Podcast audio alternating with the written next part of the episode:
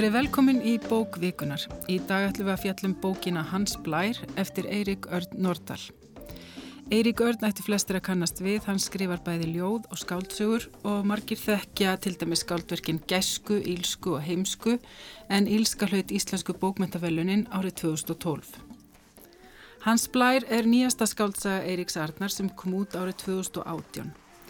Hún fjallar um Hans Blæ sem áður var Ilmur Þöll nettröll og samfélagsmiðlastjarnar sem neytar að festa sig við neina eina skilgreiningu á sjálfu sér nema kannski það að vera frjálst. Hans Blær er 34 ára og býr í einn af nýju íbúðunum í miðbæri Reykjavíkur sem eru allar eitt rými með risa gluggum með útsýn yfir hafnarsvæðið, esjun og hörpu. Fyrir ræktina, sund og jóka er með brunnið nefól af kókainótkun gengur að jafnaðum 8000 skref á dag ef eitthvað er að marka símtækið og er alltaf skrefi á undan. Í lýsingu á Hans Blæfi fremst í bókinni segir jafnframt. Hans Blær hefur skipt um kyn oftar en töluverður ákomið.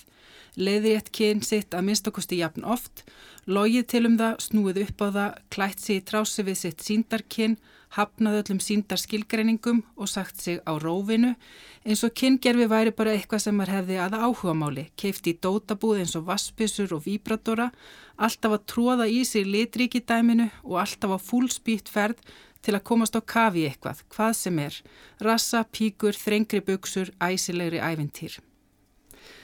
Ég fengi til mér tvo gesti til að ræða þessa bók, bókmyndafræðingana Ástu Kristínu Benediktsdóttur og Sofíuði Birgisdóttur. Velkomnar. Takk. Hvað segir þið? Hvernig myndu þið lýsa personinni hans blæði? Uh, já, ef ég byrja, uh, hann, þú lýstir hann uh, personinni bara mjög vel hérna í byrjun. Um, ég skrifaði nú rítum um bókina í tímaritt máls og menningar þar sem að ég bar hann svolítið sama við Tómas Jónsson eftir Guðberg Bergson Personan er náttúrulega óþólandi svona fyrir allt venjulegt fólk. Ögrandi, stuðandi og haga sér eins og að bafi janni eins og maður getur ég að vel sagt.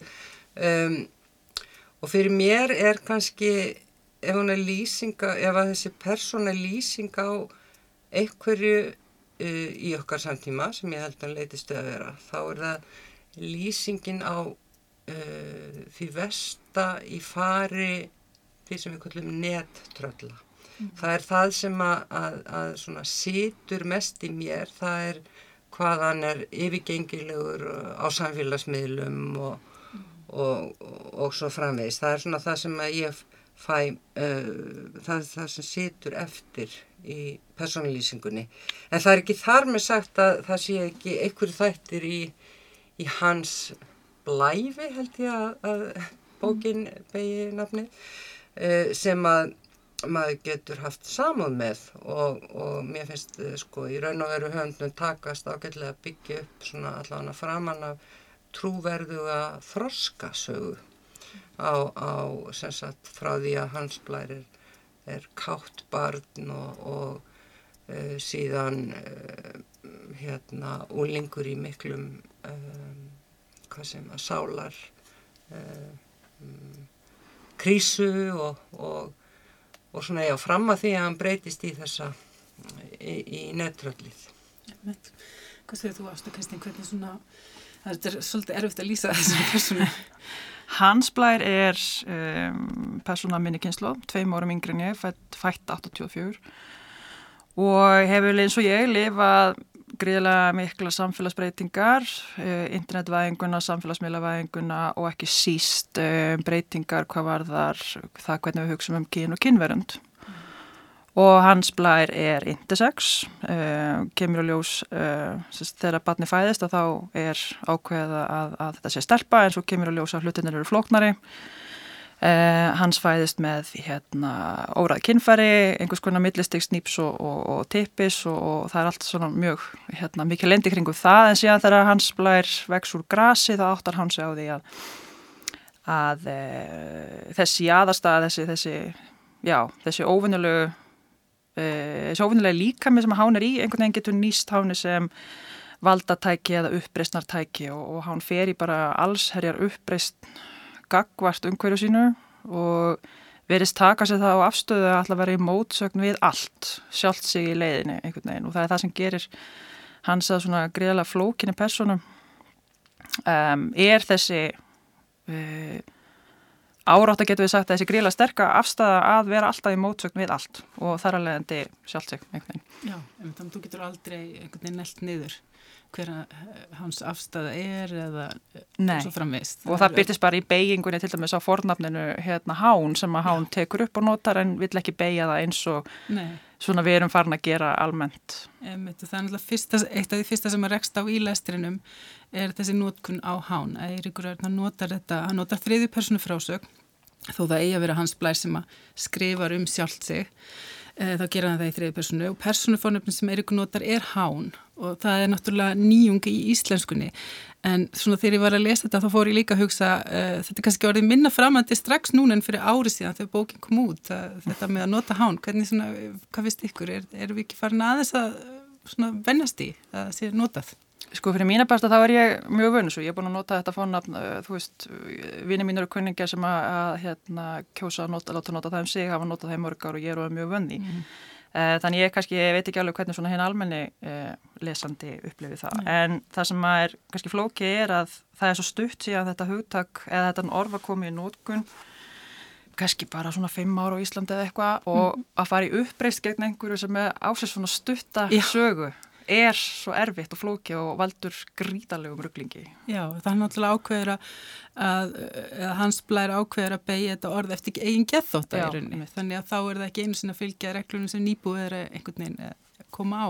En það eru náttúrulega, það eru óskráða reglur af því að, að orðið, þótt að sé orðið hérna, mörgum tam, þá er ekki, hefur ekki náð inn í íslenska orðabækur eins og snara.is eða málið.is Eh, þú finnur ekki orði hán þar eh, en ég held nú kannski að ég var sér svona flestum flestir sem veit í dag hvaða mm. þýðir og, og, og þetta er endur ekki fyrsta skáltsaðan sem notar þetta uh, fornátt allavega er það finnst það hjá Kára Túlinis mm. móðurhugur og, og þetta er líka heldur ekki kannski fyrsta skáltsagan um, e, um sagt, personu sem er aukstar á mörgum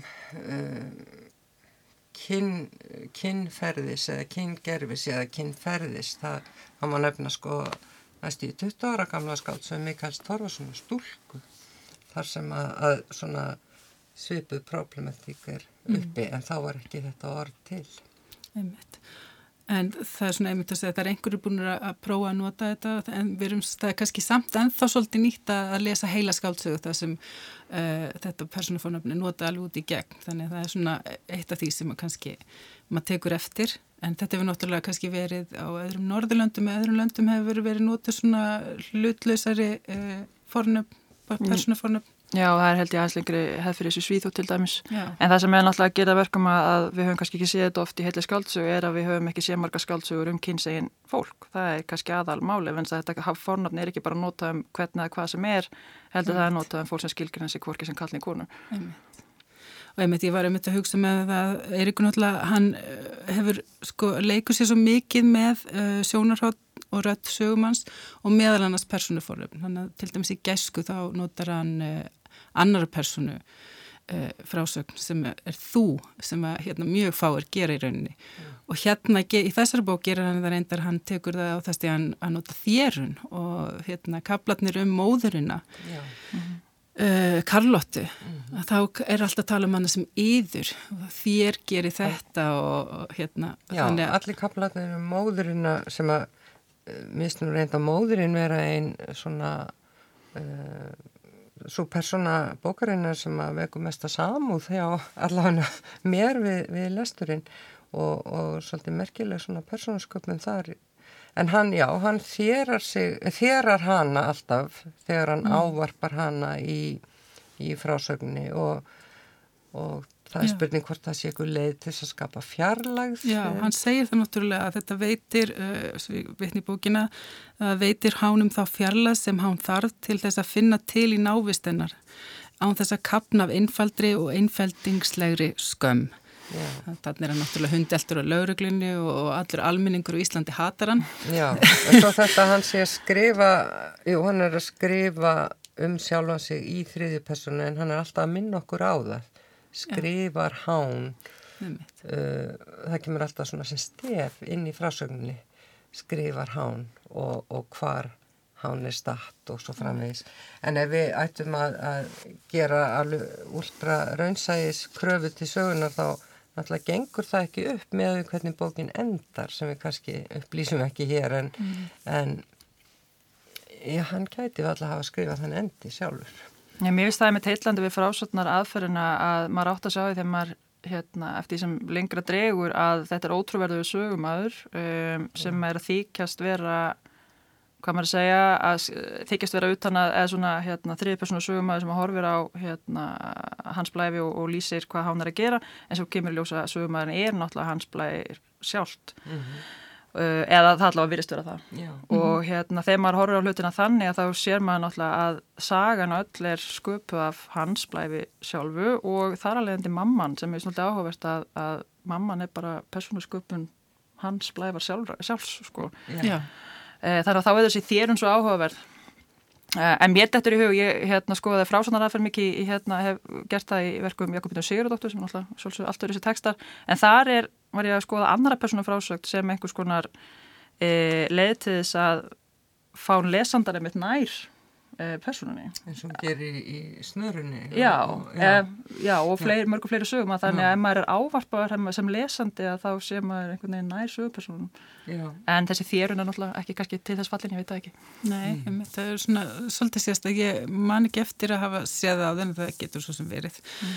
en hérna, en það er, mér fannst þetta svona kannski svolítið dæmikert fyrir hann að, að hérna, Eirík Örn sem höfund sko að svona finna eitthvað til, eitthvað nýtt til að koma með inn mm. til að prófa og þetta með, þess vegna kannski kom mér það ekki óvart að hann væri að nota hán, en eins og þú segir þá náttúrulega það, gerur það bara í sögu sem fjalla náttúrulega um e, intersex fólk eða transfólk eða þannig að hérna Já, þetta er ekki beili, sko sérstök kannski, þetta er bara þrejur persónu frásög Einmitt. en munurinn er að persónu sem umræðir notar hán Einmitt, það er kannski bara, veist, það sem gerir það pínu, hérna, kannski ölliti framhandlegt en það gerir kannski líka verkum að uh, sagan verður svolítið bundin sínu tíma, kannski mm. öllu leiti því að eftir nokkur ár þá verður við kannski tungumáli okkur búið að þróast allt öðruvísi eða þetta verður ekki lengur neitt mál það er ekki að útskýra, hann tekur hérna tími að útskýra hvernig hann mm. begir og, eða þess að uh, já, hvernig hérna, þetta, á begja þetta eða ekki og hérna, þetta er kannski einhver umræði sem verður svo úreld fljóðlega mm. mögulega. þetta er nú svona líka svolítið enginni á bókum Eiríks, hann gerir ja. þetta líka í ilsku að, að það svona brestur á með, með köplum sem eru greinlega unnir upp úr fræðiritum og um, já, bókin er tíman þá. Já, það, það er náttúrulega það sem maður vil. Já, Mér finnst sko hérna Hans Blær sem kannski heldur að lýsa því hver Hans Blær er og hvernig persóna hán er að hán einhvern veginn er svo mikil einstaklingsfrelsis sinni og, og, og að þýleiti ætti hán að vera hardcore uh, afsakjórbraðið hérna hægri manneska uh, en hún er að, að taka sér stöðu samt í veruleika sko mjög róttakum kynjaveruleika sem hinga til hefur verið vinstri mjög rótæk vinstri kresa. Mm. Þannig að árastefni þarna verður svo, svo miklir að hann er sérst í uppreist gegn vinstri rótækninni mm -hmm. eh, og mér finnst svolítið erfitt og talandum um þessu tíman að tákn og þess vegna er, er, er ykkur heldur að útskýra hluti þarna er að við erum ekki ennþá komin á þann stað að við vitum nákvæmlega gegn hverju hans blæri er í uppreist. Þetta er, svo, er allt svo nýtt sko. Einmitt, og þeir eru voru að hugsa um þetta með skilgreiningarna uh, hann vill ekki láta svona já, festa sér niður, þá er það kannski það sem stendur eftir að hann vil vera frjálst. Það er svona mm. það kannski sem að kvikar ekki með, frá. Mm. Að það er þetta frelsi sem já. að, sem að hugsa hvað er það síðan. Mm. En frelsi, hans er náttúrulega mjög frögt frelsi sko að því það gengur uh, yfir aðra. Já, já, það er yfirgangsamt. Já, já. Og hán er ekki mjög svona viðfeldinn sögupersona í raun og veru. Nei en uh, í kiljunni á sínu tíma þá viðkendi höfundurinn Eiríkur Örn að hans blær væri svo mótsagnakent sögupersona að hann sjálfur hefði átt erfitt með að botni henni. Og við skulum heyra östuðt hvernig hann lýsir hánum. Hán er náttúrulega einhvers konar hérna, árás á, á hugmyndir okkar um, um sjálfsmyndina og jafnvel á sjálfsmynd, sína eigin sjálfsmynd. Og hérna, rýfur hann í sig og vill, vill hverki vera, vill sérst, ekki vera, í raun og veru ekki vera neins kynns og ekki láta negla sig niður neinstadar og hérna í, uh, úrverður svona frekar ofbeldisfull árás á þetta sjálf. Sagan í sjálfur sem gengur út af það að hann eh, hefur verið að reyka hæli fyrir nöðgunarfornalömb í nokkur ár uh, og upp hefur komist um uh, sagt, mjög vafasamar tilrunnar meðferðir sem að hérna, hann hefur staðið fyrir og hann er í felum og flóta frá lauruglunni og frá almenningi og frá hérna, öllum heila sirkusnum sem Ísland stundum er. Við heyrðum hér í Eiríki Erni Nordal, höfundi bókarvíkunar sem heitir Hans Blær. Það kom einnig fram í þessu viðtali Egil's Helgarssonir í Kiljunni að bókin fjallar ekki sístum samfélagsmiðla, aðtúasemdakerfin og hysteríuna sem getur skapast í samfélaginu eins og Eiríkur Örn orðara. Sofíður og Ásta Kristín, þetta minnst á áður við, hann er náttúrulega að lýsa samtímanum um, og það er, Eiríkur Örn orðaða þannig að hans blæðan reynir alltaf að beistla hysteríuna sér í vil og lifi á því að sé sem mest læti í kringum ána uh, og að því leiti er hann svona kannski dæmigerð netröðlega kannski samfélagsmiðla stjárna.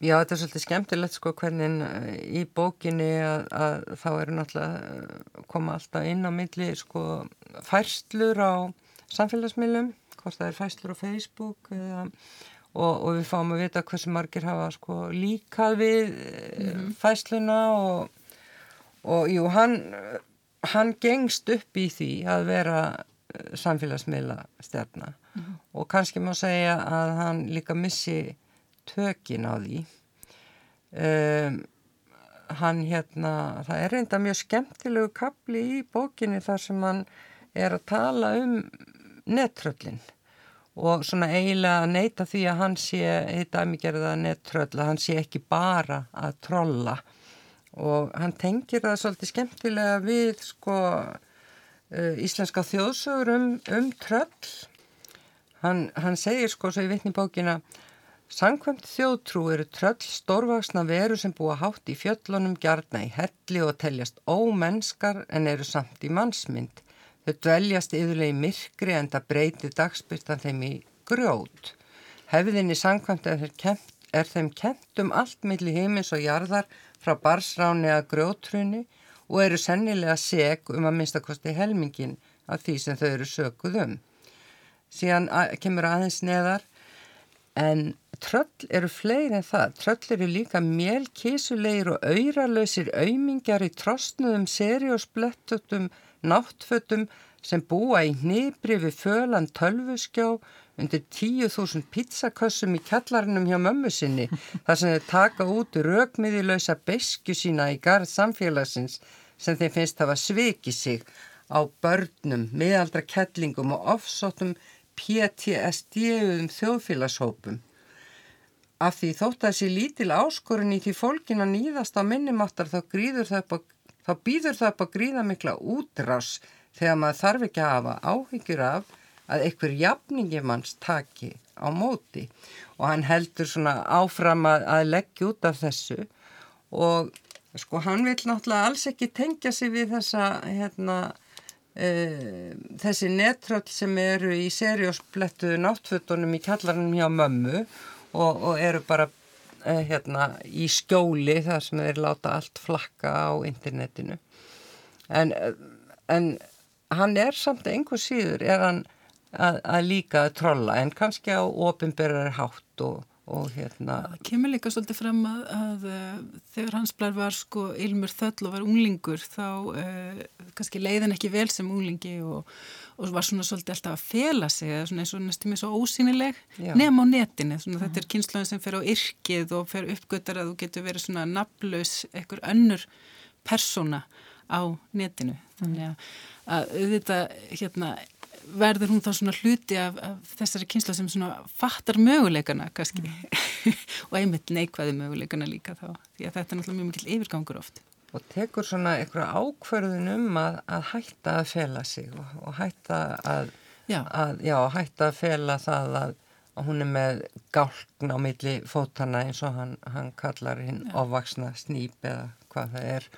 Og, og ákveður að stíga bara fram og, og hérna uh, já vera sterk í stað þess að, að, að uh, vera út á jæðri hrætt og, og um, já í, í, í krísu Og, og þarna verður ma mamman líka svo áhugaverð því að mamman stendur svolítið fyrir þögnina. Mamman er svo sem að hérna, þeigir í staðin fyrir að rýfast. Hún vil freka bara ekki tala um hlutina, heldur hún að tala um það og ef eitthvað er óþægilegt þá vil hún bara hérna, láta þar við sitja, láta kyrkliggja og svo framvegis og, og þögnin sem að umkringdi náttúrulega líkama Ilmar eða hans í, í, í æsku og, og þennan intersex breytileika sem að hérna, hann fætist með að það var móðurinn sem að sveipaði það allt saman þagnar hjúpi sem kannski síðan olli miklu af þessum sálar pínum sem að, að hán síðan gengur í gegnum.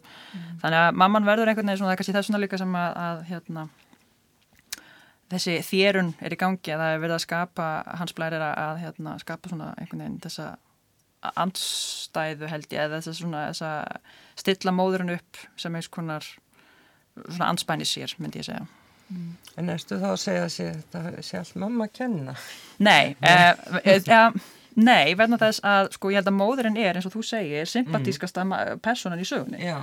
og hún er allt sem að, hún er hrætt við þetta allt sem að hún skilur ekki hvað er í gangi, hún mm. skilur ekki rótaknina, hún skilur ekki mótspyrtuna gegn rótakninni, þannig að nógu erfitt að átt að segja á vinstir sinnu kynja politikinni að maður fara að gjáta sig á, á hérna, uppistandinu sem að hansblæri að eiga við í amtspilnu við það, mm. hún bara skilur ekkert og það er það sem að lesendur held í svolítið mm.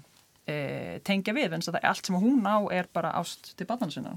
En hún alltaf endar sem alkoholisti e, heimavinnandi húsmáður og drikk, drikkjumanniska en fadirinn, náttúrulega ef ykkur er fjárverandi í sögunni þá er það hann, hann uh, það er svolítið merkilegt sko að um, hann tekur voða litla afstöðu til föðurins. Mm -hmm.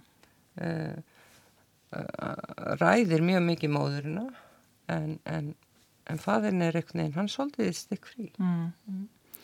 Það er líka kannski áhugavert að, að það er móðurinn sem tekur afstöðum að breyta ekki kynferðum bassins þegar þau, það, henni, hún hefur það val í rauninni eins og það er kannski hún, oft gert. En svo sér hún eftir því. Það er nefnilega hún... já, svo sér, sér hún eftir því það, það verður náttúrulega svo mikið vesin út af þessu öllu saman. En það er samt einhver svona afstæð sem er tekinn þannig í byrjun þannig að það er líka svolítið hérna, en hún kann ekki standa með þeirri ákvörðin eins og var að nei, lýsa nei, hún kann kannski einmitt ekki hvað hva gerir maður svo. Já. og þess vegna er hún einmitt kannski eh, persóna sem er svo auðvelt að tengja við af því að hún er raun og veru hérna Uh, hún er bara svo persóna sem að, að er þarna og er bara ekkert ráttæk heldur er bara að reyna eitthvað að plumma sig í þessum skrítna heimi sem hún er stötti með þetta skrítna bann og, og hann fyrir alveg á, á kostum finnst mér stundum þegar hann er að lýsa uh, uh, móðurinni til dæmis ein, sem nú held ég eina af mínum uppáhaldsköplum í bókinni það er þegar hún fyrir í jóka og, og hérna hann lýsir svona hennar innra innra lífi á meðan hún er í, í jóka og, og svo lýsir, er um leiði líst sko í jókastellingunum og, mm -hmm. og heiti á þeim og, og það er heitin á jókastellingunum minna á eitthvað í, í sambandi við hans blæ og þetta er, alveg, þetta er mjög velgerð. Frábarkabli. Mm -hmm. Uh, við töluðum aðeins um að eitthvað, við hefum bara talað mjög mikið um hvernig uh, hans blæri svona kannski svona byrtingamind uh, nútímans í rauninni en, en Eiríkur Örn sko hann náttúrulega er þannig að það er aldrei neitt einfalt. Þannig að hann býður samt ekki upp á það við lesum personun hans blæ aðeins sem byrtingamind nútímans. Og við skulum heyra hann lesa aðeins upp úr sögunni sjálfan Hans Blær er tíundu aldar vikingur, elleftu aldar landnámsmaður, tóltu aldar þrælasali, þrettándu aldar höfðingi og landráðamaður, fjórtándu aldar seðkarl og guðlastari, fymtándu aldar kathólskur prestur, sextándu aldar lúterskur prestur, sögtjándu aldar alkoholiserað sálmaskáld, gerspiltur, átjándu aldar aðalsmaður, manngerðin sem getur frængum sínum börn og lætur kasta föður sínum fyrir hundana upp á sportið, af því að það er hlægilegt að horfa á Karl Helvitið Væla. Þjáður 19. aldar gáfumadur sem rávar auðra lausum strætin með sóttita í ripnum jakka millir þess sem hán les Nietzsche sér til óbóta, lemur kettlingar og verður ástfóngið af rossum. Allskins 20. aldar séni, heil hersing, fúturisti sem er svag fyrir þrammunu í leðurstífulum, sufragetta sem er svag fyrir leðurböksum og síkaretum með munnstykki, hóbó sem þvælist um sléttur Ameríku aftan í farmvögnum lesta, nagandi strá og fróandi sér áhyggjulegs undir smekkbuksunum í takt við teinasláttinn sem greinamerkja setur tilvöru hans. Stúlka í stuttum kjól sem kann sér ekki hóf, síðarður strákur með dólg barn sem vakir meðan druknir foreldrar eða stunda makaskipti með nágrununum í stofunni. Útgerðarmaður á vjálbáti, kvótakongur yfir skutt, tógar að flota, bladamæðurinn, rittöfundurinn, málarinn, sí, malandi, intelligensjan og umfram allt annað, 20. og 1. aldar manneskja. Sjálf tómstundaveran, dundarinn, lífsfyllingar leitandi hipsterinn sem sökvi sér í matriðslu, ljóðlist, hjólreðar, troll, húsgagnasmíði, AA, samtökin, gráa, fyrringin, kraftliftingar, koktelagerð, samkeppnismóralistinn sem er alltaf aðeins betri, jáfnvel betri í að vera betri, meira fórnarlamb en aðrir, meiri sigurvegari en aðrir, meira meira en aðrir og meira minna en aðrir. Gangandi og blæðandi sjálfskaparvíti úr kvíða og losta og vittnuskinni um að hán er yfirburða. Stendur öllum öðrum mannvörum sem á undan honum komu framar og hefur engan tilgangannan en að ringsóla akkerislaust um aðdráttaraflið í sjálfu sér. Hans blær er draugur liðina jóla, þögnin og myrkrið og söðið í eirunum að þeir hingað komið til að segja sem minnst á sem lengstum tíma í sem flestum orðum eins hátt og skýrt og frekast verður á kosið. Hér las Eiríkur Örd Nordal upp á bókinni Hans Blær. Uh, Hans Blær er að mörguleiti óviðkunnuleg persóna en hann er kannski fyrst og fremst að nýta sér öll tækifærin sem samfélagið býður upp á og nýta sér, sér í hag og kannski þá aðalega eigin hagsmunasökkur og tækifæri sinni, hvað segir því Ásta Kristín og Sofíður? Það var svona þau orð sem komu oftast í bjögan hjá mér. En það sem ég finnst líka áhugavert er að til dæmis brotin sem hann er eldur af, af lauruglunni þau eiga sér stað á meðferðarheimili sem er náttúrulega eins og sögumannum bendir á uh, þessi meðferðarheimili hefur ofinbæra setur ekki peninga í heimili heldur, lætur því hendur og enga aðilum og býður þannig upp á misferðli og misnótkun þannig að, þú veist, hann er bara að nota í rauninni það sem er til staðar nú þegar. Nú við þekkjum dæmum nákvæmlega þetta Ekki, ekki af þessu er neitt svo sem, sem að ætti að koma óvart eða nýtt. Nei, einmitt. En varðan þessa, löng, þessa löngu ræðu sem að Eirikur las hérna áðan sko, mjög skemmtileg og, og gefur svona góða hugmyndum stílbókarinnar. Það kvarlaði nú að mér því var hlust, hlusta þetta hvort það væri líka einhvern veginn að reyna að ná utanum sko bara íslen, all, sögu íslenskra bókmynda. Hann, hann drepur niður á svona einhvern veginn á, á, á toppum í íslenskra bókmyndasögu í þessari lýsingu sko. Um, já einmitt þetta er náttúrulega svona einmitt þess að segja stílinn hann er náttúrulega svolítið svona það er mikið, hann er ykkur náttúrulega nota náttúrulega mjög mikið upptalningar og, og svona hann er orðmarkur og það verður svona líka sjálfsmeðvitaði stíl það er svona alltaf að benda á mm. hvað hann er að gera setja sér alls konar stellingar er með svona ólíkinda læti þannig að það er svona mjög dæmigert fyrir hann og þá náttúrulega kemur þetta inn að því hann er líka sko hann er, svo, hann er svona mikið að fræða líka inn á milli sögumæðurinn setur sér þessar stellingar inn á milli og segir jafnvel nú ætla ég aðeins að fræða mm -hmm. um eitthvað sem við kemur trans eða intersex eða öðru mm -hmm. við fáum til dæmis mjög nákvæmar og teknilega lýsingar á ýmsum stegum uh, svo kallast klítoromegali sem það sem, það sem að, að hérna, Ilmur Þöll uh, er með mm. og uh, þetta er svona mjög tæknilegt inn á milli þannig að það passar mjög vel í rauninu við stílinans þetta með að fara út í svona mjög nákvæm lýsingar en líka telur upp öll kyngerfin sem hægt er að velja á Facebook mm. og svo endar hans blæra að velja kall En mér finnst þú að ég geta kannski fyrir aftur að því einmitt hvað, hversu óvikunnaleg og eða eigin hagspunna, mikill eigin hagspunnasegur hans blæri er að hérna, í grunninn er uppgötvar hans í æsku að hann fær eitthvað kikk út úr í að beita valdi og hún byrjar á þessu á bróðu sínum að láta bróðu sinn drekka heila flösku af kvítlöksóli á pítsustad svo hann ælir mm. og fær eitthvað svona rosalegt uh, líður fyrir svona allsælu tilfinningu eftir og það síðan kannski skýrir aldrei mikið það sem hann er að gera sem eftir er hann er alltaf að beita uh, láta öðru fólki líða illa af því að hann fær eitthvað kikk út úr í og, eða svona óþægilega getur við mm. sagt einhvern veginn og það er það sem að gera þetta líka út af því og svo koma þess að lungu hérna, fræðandi getur við sagt kannski senur um trans og intersex málefni og eitthvað svo leiðis að þetta rekst aldrei harkalega á á óþægilegan hátt vegna þess að e, þetta er náttúrulega alls ekki sá mólsvari eða svo trans eða intersex persóna sem að fólk sem er mjög umhugsað um slíka pólitík vil sjá mm. þetta er mjög, eða, þú veist, af því að hann er náttúrulega í grunninn eða bara beitir hana fólk á ofbeldi og, og, og kemur ekkert rosalega vel fram sko. Og ég myndi að þessi mikla hreyfing sem eru orðaði, hvernig við skilgreinum uh, kyn uh, þetta með að hérna svona taka sér vald til að skilgreina sér sjálfur og svo framvegis, þetta er náttúrulega bara á meðan þessum hans blær er að nýta sér mm -hmm. og þá náttúrulega uh, en svo er það heldur ekki svo einfalt því að hans blær fættist í raun og veru intersex, þannig að Já, en tekur sér síðan þetta vald til að skilgjörna sig uh, á þann hátt að það meira segja reyti trans Íslandi reyði, þú veist, að, að, að mm. transfólk og ég get ímynda með að nokkuð við sem að mjög margir lesendur uh, sem að eru trans og, og hafa unni í þeim málefnum séu frekar reyður og pyrraður út í þennan, þessa persónu, skilur. Þetta er bara, hún er bara til þess fallin, sko. Mm -hmm.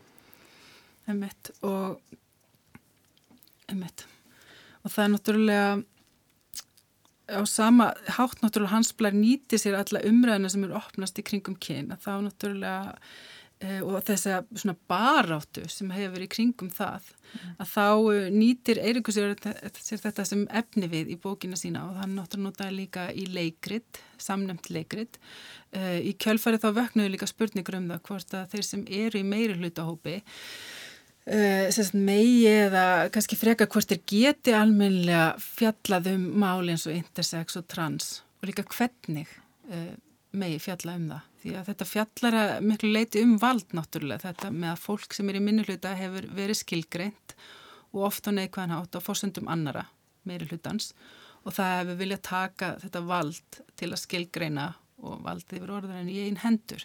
Þannig að þetta náttúrulega vakti ákveðnu umræðu á sínu tíma, sérstaklega kannski í kringum leikritið. Já, já, segja það síðar. Já. Þú byrja Sofía? Já. Já, sko, þetta er spurningin svo við einföldum þetta auður um það hver megi tala um hvað, ekki satt. Um, um, vissulega er hann Eirikur Örn ekki intersex eða trans og ekki eins og hins eginn eftir því sem ég best veit. svo við vitum, svo vitum. eftir því sem ég best veit. En hann má eiga það að hann hefur kynnt sér málefni vel og hann hérna uh, sínur okkur það náttúrulega með allar uh, sem við erum búin að ræða allar þessi fræðslu sem að kemur inn í. En um, sko mér finnst að flesti megi skrifa um, um allt sko eh, og sérstaklega í bók eins og þessari hér sem að, mínum, að mínum að þið er parodísk í ellisínu. Þú veist, það er algjör mistök að ætla að fara að lesa þessa bók sem einhverja lýsingu á intersex mannesku hennar einslu. Þú veist, það, hún stendur ekki fyrir það í, í mínum huga. Mm. Ekki frekar en sko uh, lýsingin á Tómasi Jónsson eftir Guðberg Bergson um, stæði fyrir aldamóta kynnslóðina uh, hérna í heilsinni og, og, og hennar gildi heldur var hún sko parodía á, á þessa aldamóta kynnslóð það höfum við að tala um sko fyrir rúmur öll eh, ekki síðustu aldamót. Og ég svona sé hans blæ uh, svolítið í því ljósi að, að, að höfundurinn er að parodera þennan samfélagsmeila kultúr og og sjálfselsku og, og já, eða, eða hvernig ná maður að orða það, fyrst og fremst þennan svona uh, yfirgengilega ruttaskap sem við erum að upplifa uh, á samfélagsmeilum mm -hmm. í mínum huga. Ég sko, ég hef aldrei held ég átt eins erfitt með að byrja að tala um nokkra bók eins og þessa vegna þess að allt umtali í kringum leikriti fyrra var á þann veg að, að mjög margt hins eginn fólk í kringum mig og ég heyrði það bara út um allt var mjög um, slegið. Fast þetta óskaplega óþægilegt af því að, að hérna, en síðan alltaf leikrit eitt og bók hanna og ég ákvaða að tjá mig ekkert um leikrit en það sá ég það ekki og hérna, en svo las ég bókina og hérna um, svo svona ákveðin hérna uh, ferli að byrja að tala um hana en svo er ég búin að ræða hana við mjög marga og, og hérna en ástæðan fyrir því að ég held þessi svona erfitt að fannst mér að byrja að tala um hana er að ég sá og vissi og fann og það hefur verið staðfest í mínu samtölu við annað fólk að hún særir hún meiðir. Það eru mjög margi sem að upplifa hana og þessa personu og á mjög særand og meðandi hátt og, og ég get ekkert verið að fara út í nákvæmlega af hverju en eitt af því er svo staðrind að það eru bara rosalega fáar personur í íslensku bókmyndum sem að eru heilst eftir, eða bara einhverjum svona uh, intersex trans personur í íslensku bókmyndum. En það er hins vegar ekki vandamála Eiríks Artar, þú veist, hann, hann náttúrulega, og ég er alveg samfélag þér Sofía, að rítöfundar mega skrifum hvað sem er það er enginn að tala um að eiga eða meiga í þessum efnum, mm. þú veist, og, og það mega náttúrulega svolítið allir skrifum allt, mm. þetta spurning bara um hvort að lesendur kunna að meta það ekki. Mm. Um, og hérna og ég skil akkur að fólk uh, særist og finnst þetta erfitt og, og óþægilegt en ég er í þeirri stöðu að, að þetta særir mig ekki persónulega fyrir ég hef ekki nokkulega þessa, þessa reynslu þannig ég er ákveðin svona stöðu til þess að tala málefnilega um þessa bók. Þannig að þegar ég fer þanga í þá stöðu og bara byrja að tala um þessa bók sem bókmyndafræðingur að þá hérna finnst mér að uh, ef að Eirikur hefur alltaf að, að búa til personu sem að er eins rótæk og stuðandi og á móti borgarlegu lífi og hægt er þá þurft hún að vera í þessari stöðu. Þá þurft hún að taka sér stöðu inn í miðri kynja, mm. segja, umræðinni allri. Mm. Hún þurfti að takla hana af því að þetta er svo umræða sem er viðkomist og erfust og skiptir kannski okkur máli mest akkurat núna. Þetta er 21. aldar, hvað maður að segja, um, kjarnir ekki í bara því sem að okkur finnst í sjálfsfyrir okkar á 2001. öll sko, þessu umræðu um kynin og kynverðundina held ég. Umhett. Og tengist því náttúrulega sem hann segir hérna, eh, sjálfur í, í viðtælinu sem þú spilaðir hérna í upphafi að, að þetta snúist fyrst og fremst um sjálfsmynd. Já, einmitt. einmitt. Um, Ástakastinn, ég veit að þú kent þessa bók uh, í háskólanum og þú hefur að stunda hins eginn bókmyndir. Getur þú svona að lokum reynda að setja þessa bók aðeins inn í það samengi? Svona, þetta kannski, eh, hefur, var kannski ekki svo mikið um uh, hins eginn bókmyndir áður fyrr en það hefur kannski verið að breytast eða hvað? Já, það er búið að breytast mjög mikið á síðustu árum sko. Það hafa verið skrifað bækur um alls konar varjásvonir af kynverund og kyni alla tíð en kannski verið minna verið talað um þær. En meðvitað skrif um það sem við núna skiljum sem hins einn hafa, hafa aukist mjög mikið á síðustu 10, 15, 20 árum. Og Hans Blær er algjörlega einstök bók í þeim ranni getur við sagt að því hún tekur svo meðvitað áöllu sem kynja uh, umræðu og, og býr til svo sérstakka personu sem er svo rótæk og óþægileg en er samt einhvern veginn að snerta á svo mörgum álöfðu sem að hins einn veginn samfélagið er svo mikið að vinna með. Um, Við rættum hana, já, ég var að kenna námskeiðum hins einn bókmyndir upp í háskóla í íslensku uh, deildinni. Og um, það var uh, mörguleiti gaman að ræða manna líka óþægilegt þetta er bara óþægileg bóka mörguleiti en uh, ég lagði fyrir nefndurna þá spurningu á heimaprófi hvort að hans blær væri 21. aldar útgafa steini elliða við varum miklu frá Kasmir eftir Haldur Lagsnes mm -hmm. og það finnst mér bara mjög áhugaður pæling sem ég get ekki, ég get ekki náttúrulega sjálfsög ekki fara að greina frá úrlösnum nefnda hér en, en hérna, það er aldrei áhugaverð pæling en steini elli var líka svona andborgarlegur mm -hmm á allan þann hátt sem árið 1927 bauð upp á held ég. Þannig Já, mjög skemmtilegur eins og, eins og reynda Tómas Jónsson Metzelbók líka já, já, já, sko. þetta já. eru svona menn sem er að reyna að pota í allt sem þeim geta pota Nákvæmlega. Og texta. Og texta Takk fyrir þetta Ásta Kristín Benediktsdóttir og Sofja Auður Byrkisdóttir við erum komin að enda þessa þáttar um bókvikunar sem var Hans Blær eftir Eiríkörð Nordal Hlustendur geta áframnálgast við tölu og annað tengt bókvikunar á heimasíðu þáttarins rú.is bókvikunar og á Facebook síðu þáttarins. Verið sæl.